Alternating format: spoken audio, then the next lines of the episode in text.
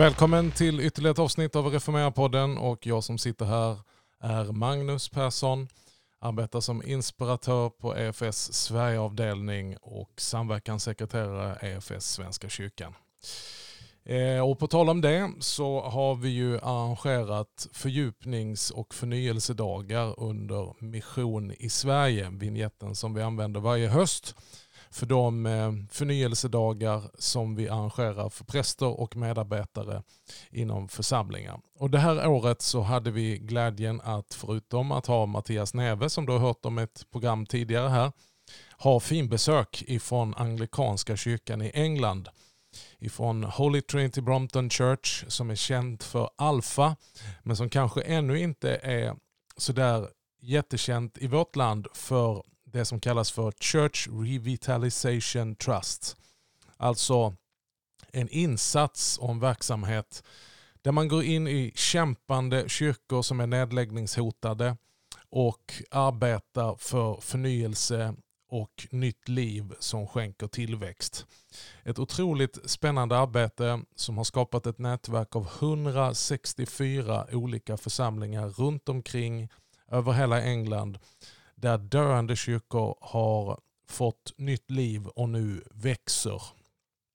Det är ett fantastiskt arbete som vi har fått ta del av på våra besök i England och därför var det en väldigt stor glädje att få eh, bjuda eh, Sarah och hennes man Tom Jackson hit till Sverige för att dela med sig lite grann av konkreta exempel och verktyg hur de arbetar Eh, och Det var väldigt hoppingivande att få höra dessa olika berättelser. Och Vi tänkte dela med oss så här som en julklapp till dig. Eh, ett av hennes pass där hon konkret berättar lite grann om det här. Så eh, jag önskar dig god lyssning. Here we go. Take it away, Sarah Jackson.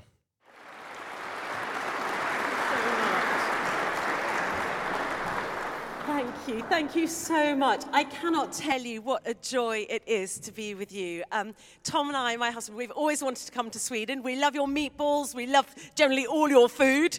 Um, and we've only been here since last night, but already we've got to love your city. And um, it is a real privilege to spend a bit of time with you today. And, you know, maybe like some of you, um, I didn't grow up in a Christian household. Um, I'm one of four daughters. I'm the youngest daughter. And it wasn't until um, we hit a major crossroads in our family's life that I started to think about the bigger questions. My dad, who I adored, disclosed a secret life that none of us knew about. And it was one filled with shock, but also huge pain and um, really a difficult time for all of our family. I suppose as a teenager, I thought if the man I love and trusted is untrustworthy, what can I trust in life? There, there, there's nothing. I've lost all my compass, all my direction. And um, very sadly, my father tried to commit suicide, and I, I found him. And I remember for me, that was a really the lowest moment. And I remember thinking, if there is a God, you are so unkind. Um, but if there is something more than this in this life, I want to know. And my two elder sisters were leading the Mystic Society at Cambridge University, and they thought I, um, you know, they, they, were telling me all about, you know, past lives and reincarnation and how I needed to keep going for my next life. And, you know, it was all very good up here, but in, in here, those early hours of the morning when you're alone in bed, lonely, thinking my whole life has collapsed, it did nothing.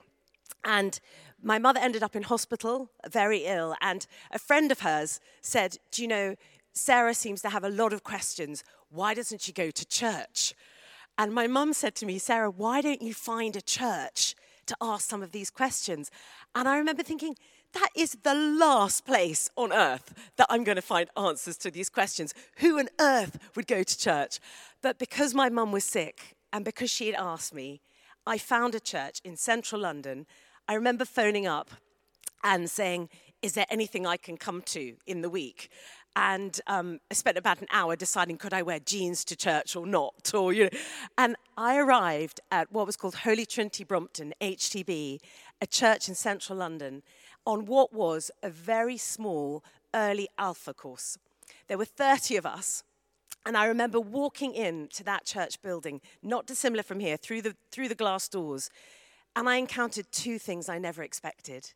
First of all, I encountered such warmth and hospitality. You know, I could see in their eyes were so twinkly. They had something that I didn't have, and I really wanted it. And they were interested in me, this teenager with no family background, arrived by myself with lots of questions about reincarnation, and they were interested. And the second thing was, I never expected to encounter Jesus. And every week they would talk about Jesus. And I was like, when are they going to ask me to pray a prayer? Come on. And um, eventually we prayed. And I remember being filled with such a sense of God's presence and his love. And I'd had so many walls. And suddenly they just came tumbling down. And I felt I was home. I felt church was home. And really, that's been my story of church being home. And I, I spent every holiday uh, volunteering. I did every coffee stand, put out every chair. And um, I suppose I want to explain a little bit about our story and our, our experiences. You're looking at expansion for the church. I want to tell you a bit about what, what I've seen and what we're witnessing. And as I was in all those conferences in the early days, we had uh, a man called John Wimber come over um, from America to our church. And we had a robed choir. Uh, we were all very proper. And he arrived with baseball caps, chewing gum in church. We were all like, this is really not on. And um, he came, and it was the first time we had heard someone talk about church planting. And we were like, is that landscape gardening? What, what is he talking about? And, and um, he then went on to say something ridiculous by saying, do you know if you're going to reach people in this nation, the most effective way is through, through church, but you need to give away your best leaders. And I remember thinking, he's mad. This has taken us decades to raise up these leaders. They're our core leadership of the church. We can't just give them away. But really, over a few decades of leadership under um, Nicky Gumbel, our, our previous vicar, um, that's exactly what we took the risk at doing. And over sort of 20 years, we very haphazardly, and really I wouldn't recommend it, we would say to any young person in our leadership, um, are you interested to take your small group? There's, there's, a, there's a church in the east of London that needs revitalization. Um, would you go with them? Would you support the vicar? Um, good luck. Hope it goes well. See you next year at our festival. And no money, no training. And really, by God's grace, as we look back, those churches became the largest Anglican churches within their diocese within three years. And um, fast forward to 2017, we had a month of um, newspaper headlines saying, Church in existential crisis. There is going to be no more Church of England. We're losing our leaders. Um, you've got some stats here. 68% of our churches, our parishes, have less than five young people in them. We're completely missing the younger generation in our church. The under 25s are nowhere to be seen. We're seeing churches closed that will never reopen again. We're seeing them sold off for carpet warehouses.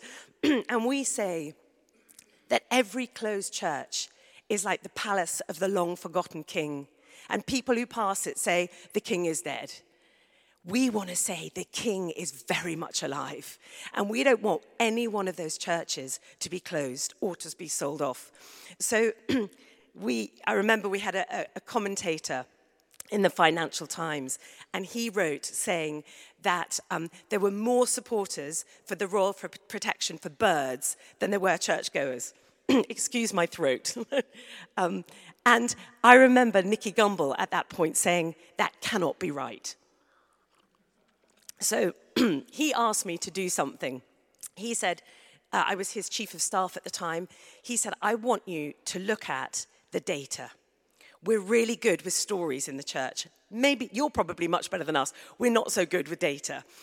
and he said, I want you to look at what, what does the data say? Have we lost young people? Are we heading over a cliff? Is it going to be the end? Oh, you're so kind. Thank you. And um, when I, I said to Nicky, okay, what do you need? He said, five things. What do we as a church have to offer? Do, do we have anything? If we do have anything, what is the model? What does it look like? How much would it cost to reverse the decline of the church in our lifetime? So I asked him if I could have longer than a week, and um, he very kindly gave me one month. And in that month, um, I worked with someone, and we basically mapped our nation.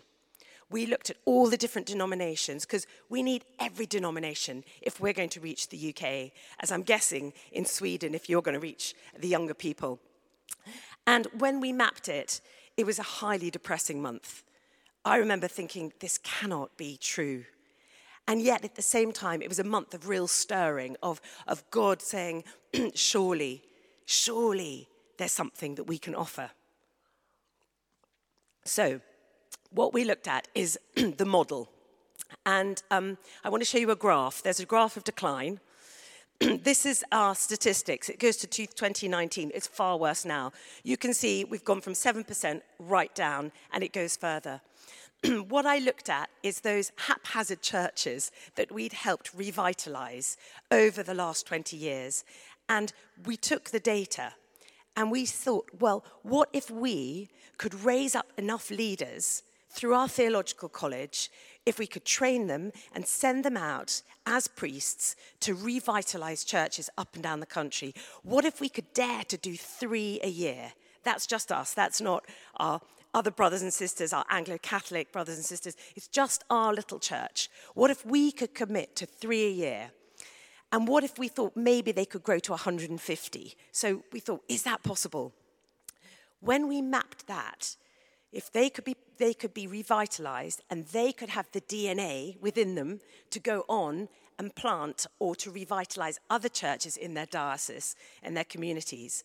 We started to see this next graph. The blue is the rapid decline of the Church of England.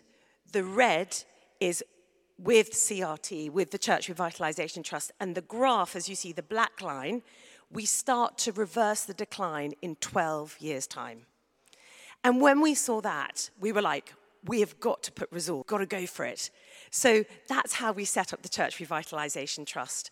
And we basically looked at four key areas, um, which we felt this is our, our vision to play our part, which, however small that part might be, in the re evangelization of the nation, the revitalization of the church, and the transformation of society. And there are four key focus areas that we immediately looked at. We said, okay, if we're going to do this, there's going to be an element of church planting. Now, we do two things. We may plant churches where there isn't an existing church. So, in new communities, some of our poorest, most low income areas, there isn't actually a church. So, for example, we've bought a warehouse um, in Birmingham, we bought an auction house in Nottingham, um, a department store in Portsmouth, all these are cities. But also, it could mean revitalizing where a church has maybe dwindled to maybe under 12 people and um, is in threatened of closure. And we would say to the bishop, we're, the Church of England, so we always come under the bishop. We never go anywhere without a bishop inviting us, without a priest, and without a, a building. So we thought we need to look at what that model is. Secondly, leadership development. We, we desperately need to raise up young leaders, older leaders, to, in order to fill the churches, but also to see growth and expansion. Thirdly, we thought, you know, it's very isolating being a church leader often. It's tough. Even if you've got a supportive bishop, it can be tough.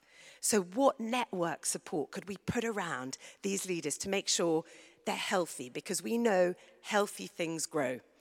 And then finally, social transformation. We recognized that we couldn't, we didn't just want to measure numbers in the church.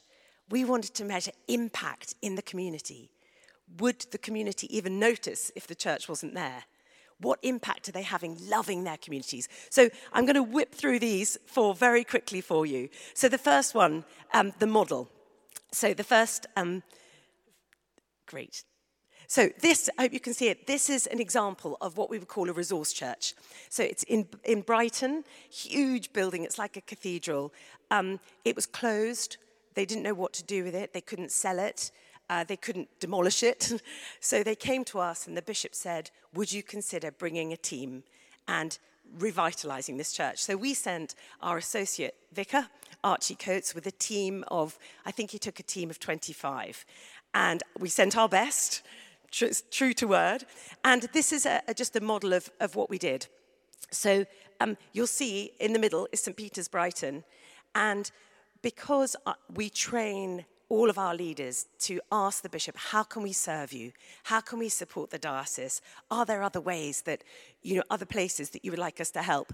You'll see that very quickly, 2013, we planted into St. Cuthman's, the Whitehawk. So the red are the first generation that went out, planted out, that we trained up there and they went and they revitalized. Some of those are cities. So Portsmouth on the right is a big city, but somewhere like Hastings is more like a market town. We then started to see that actually somewhere like Portsmouth, that was a resource church. They had the DNA to go on and plant. So we then had second generation, so those in the kind of purple color. And they've gone on, as you can see, to do fourth generation plants. So from one resource church in Brighton, we've got 26 revitalizations going on across the south coast. And that's just one. We've got 164 churches at the moment, and they are all with the DNA to go and to replicate, all working with um, their bishops. um, just the next slide. Leadership development. So, when, when we first started the Church Revitalization Trust, um, I had the privilege of, of traveling around the country to meet some of our network leaders. And I asked the priests one question, and then I asked their team or their staff, if they had them, the same question.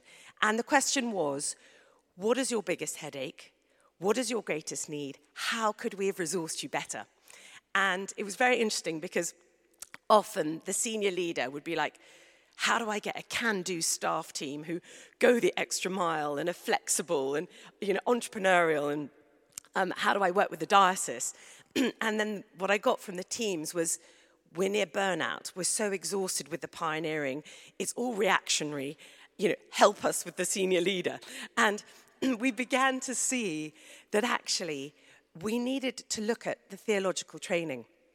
And um, about 12 years ago, when we would send our best off to seminary, and I'm sure it's not like this here in Sweden, but this is just our experience, we would send our brightest, youngest men and women off to theological college, full of Jesus, excited about mission, expansion, kingdom, and they would come out after three years unrecognizable we would like, where has the fire gone? Do you still believe Jesus? Do you, you know, we, it would take them three years to be reconstructed. They were being so deconstructed during seminary. And don't get me wrong, we need brilliant theologians. We need a high, we need PhDs, academics, we need them. But we also need practitioners who can lead and, and be full of expansion and vision. So we looked at the curriculum and uh, we started our own theological college. And um, Nicky Gumbel, we started with seven, and it's now the largest Anglican theological college in the country. I think we've had a thousand ordinands through it. We've got independent students. Um, but it's been a game changer, and we've worked with the bishops to do that, and they've come on the board.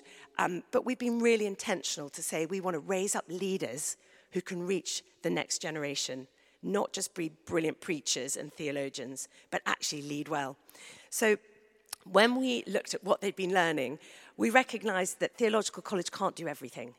So, what about conflict management? What about leading a great culture? What about team dynamics? What about, you know, having partnerships in the local council and those who are suspicious of the church? You know, all these different areas. So, we started something called the Accelerator Program. So, we have a leadership development for those. so, we identify um, leaders in our church congregations, young people in our youth groups, wherever they may be, and we say, Do you think God has got a call on your life for leadership? And we try and track with them until they're ready to go to seminary or theological college. We go through the recruitment process, the discernment, and you'll see there are three there are three routes. The traditional route, which is the one I went through, and I'm sure many of you went through, but we started to look at our network. And our network is phenomenal. But if I'm honest, um, most of our leaders and they, we need more of them, are men and they're white and they're tertiary educated. And we really need them and we love them and they're doing an amazing job. But we recognized that a lot of the places that we were revitalizing were diverse. And we needed people who looked like them and spoke like them in their communities. And quite frankly, the Church of England doesn't have them. So we saw in our church that there were young men and women leading fantastic discipleship groups um, from diverse backgrounds, some who'd been in prison, some who'd been drug addicts, um, but they were just phenomenal. And we went to them and we said, Have you thought about ordination? And they were like, You must be joking. No way. A, there's no one who looks like me in the Church of England in leadership. B, I've been told I'm rubbish all my life. I don't need to go through a, a system that tells me I'm no good and spits me out at the other end, which may be a slightly unfair characterization of our system, but nevertheless. So we launched something called the Peter Stream. And as you know, the Apostle Paul, erudite, academic, great pedigree, Peter, rough fisherman, you know, I, I, imagine he'd be tattooed up to here if he was here now. Um, and yet Jesus says, On you will I build my church. So, where are the Peters? Where are those who are prevented psychologically themselves going into leadership because of their socioeconomic background, their lack of um, academic achievement. It doesn't mean they're not bright, or their, their racial diversity. Where are they? So we've been raising them up, and that you, you can sort of see these are our first four who were ordained at St Paul's Cathedral. We've got 100 now in our theological college. We're, we're piloting it. And the dynamism that they're bringing to the college, I mean, they're, they're characters, but they are going to change the face of the Church of England for us. They're going to go back into low income areas where they grew up because they're passionate about them to bring the gospel and to bring the hope. But we secondly saw that we've got, I don't know what it's like in Sweden, but a lot of rural communities closing where we've got this amazing parish system like you have. It's like a sleeping giant. In walking distance or in car journey distance of everyone in our nation is a church. And they were the center hubs for the community. They were the go to place in need. They're the key places for weddings, for deaths, for those key moments in our life. And it breaks our heart when you drive through these areas and the church is just boarded up and dead and nothing. And so we said, what about if we looked to the over 60s? So we looked at Caleb. Caleb was 80 when he was going to go back into the promised land. And he said, Give me that mountain. You know, I'm as fit as I was when I first was going to go into the promised land.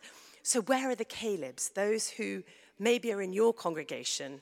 You know, I, we know them well. They have served. They're always on the coffee. They're the disciples. They're the prayer, prayers.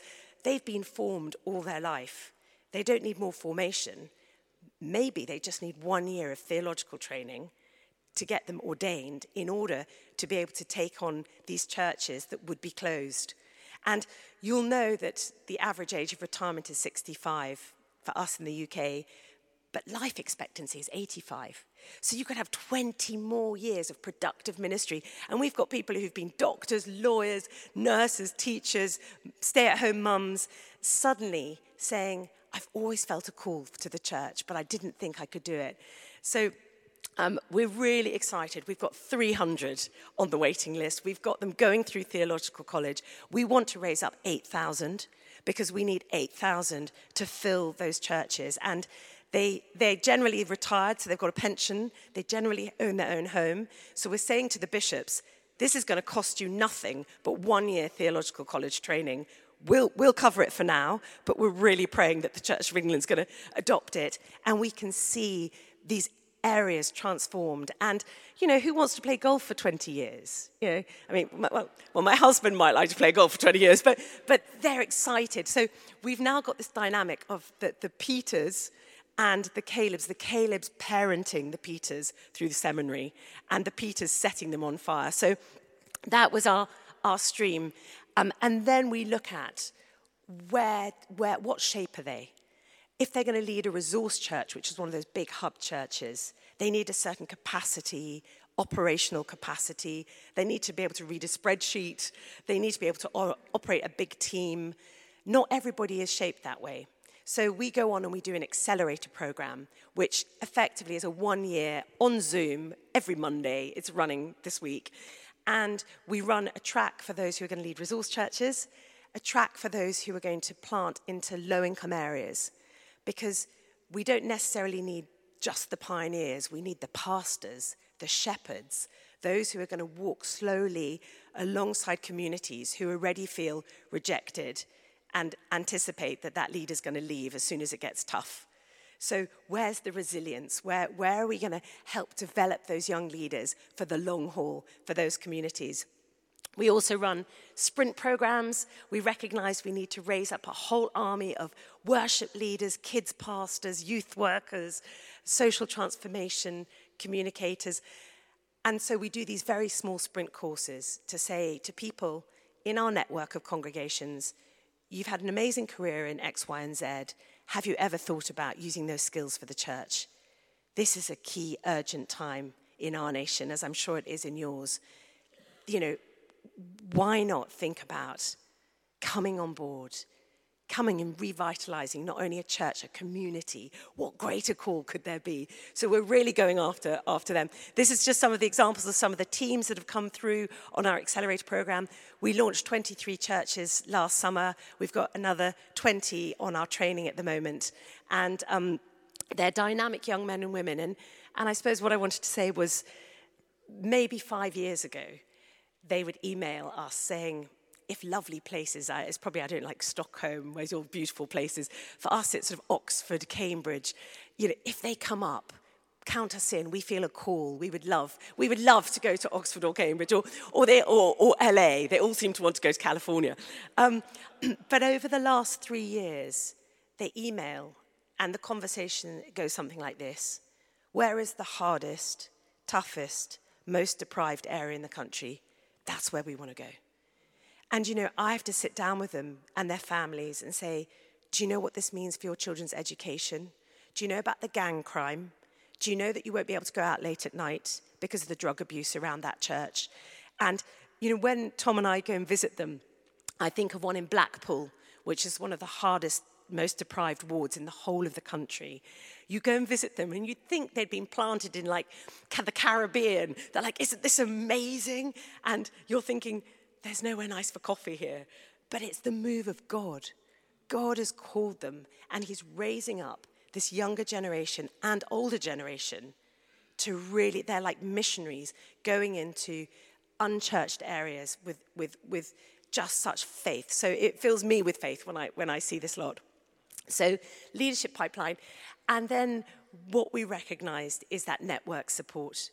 So how could we um, look at, oh, this is, the, this is what we're going for. So we hope by 2030 that we'll have over 700 on the Peter Stream, uh, 2,100 on the Caleb, 400 on our accelerator. So we're hoping to raise up 3,000 uh, church leaders. Um, and, you know, when we first looked at maybe doing three churches a year, we thought we were really bold. you know, and God has just outstripped that uh, he's just, it's like the Holy Spirit has said, there is no time to lose. And he is doing it. It's not because of our expertise. You know, I don't want you to get the idea that the Church Revitalization Trust has got amazing programs and just it's easy to raise up young people. And it's a work of God. And we are prayerful at every possible stage and dependent on Him. We also have made every mistake you could possibly mistake, make. We've, we've sent people without any equipping into low income areas. They've burnt out. There hasn't been enough money for a youth worker. Um, we've told them to recruit from their congregations for their treasurer, and they're like, there's nobody who's a trained accountant in our congregations. So we, we, we've, really, we've really learned the hard way and continue to learn the hard way. But despite that, we believe that God has a plan, and we believe that um, we want to see the dial moved in our nation. And the best way to reach people is by revitalizing the church to be the center and the hub. So that's, that's what we're hoping and praying for and working towards. Um, but our, our final area is that of social transformation. So we support our network, we have gatherings, but we are really wanting um, to make an impact in the community. You will know, they will know you are my disciples because you love one another. Uh, let your light shine that all men may see your good works and glorify your Father in heaven. We want to partner. So we've started something called Love Your Neighbor, which Tom runs. So you can always ask him later about that. And what we're seeing is we're seeing churches, hubs up and down the country. Every denomination has got on board. Um, we started it during the pandemic.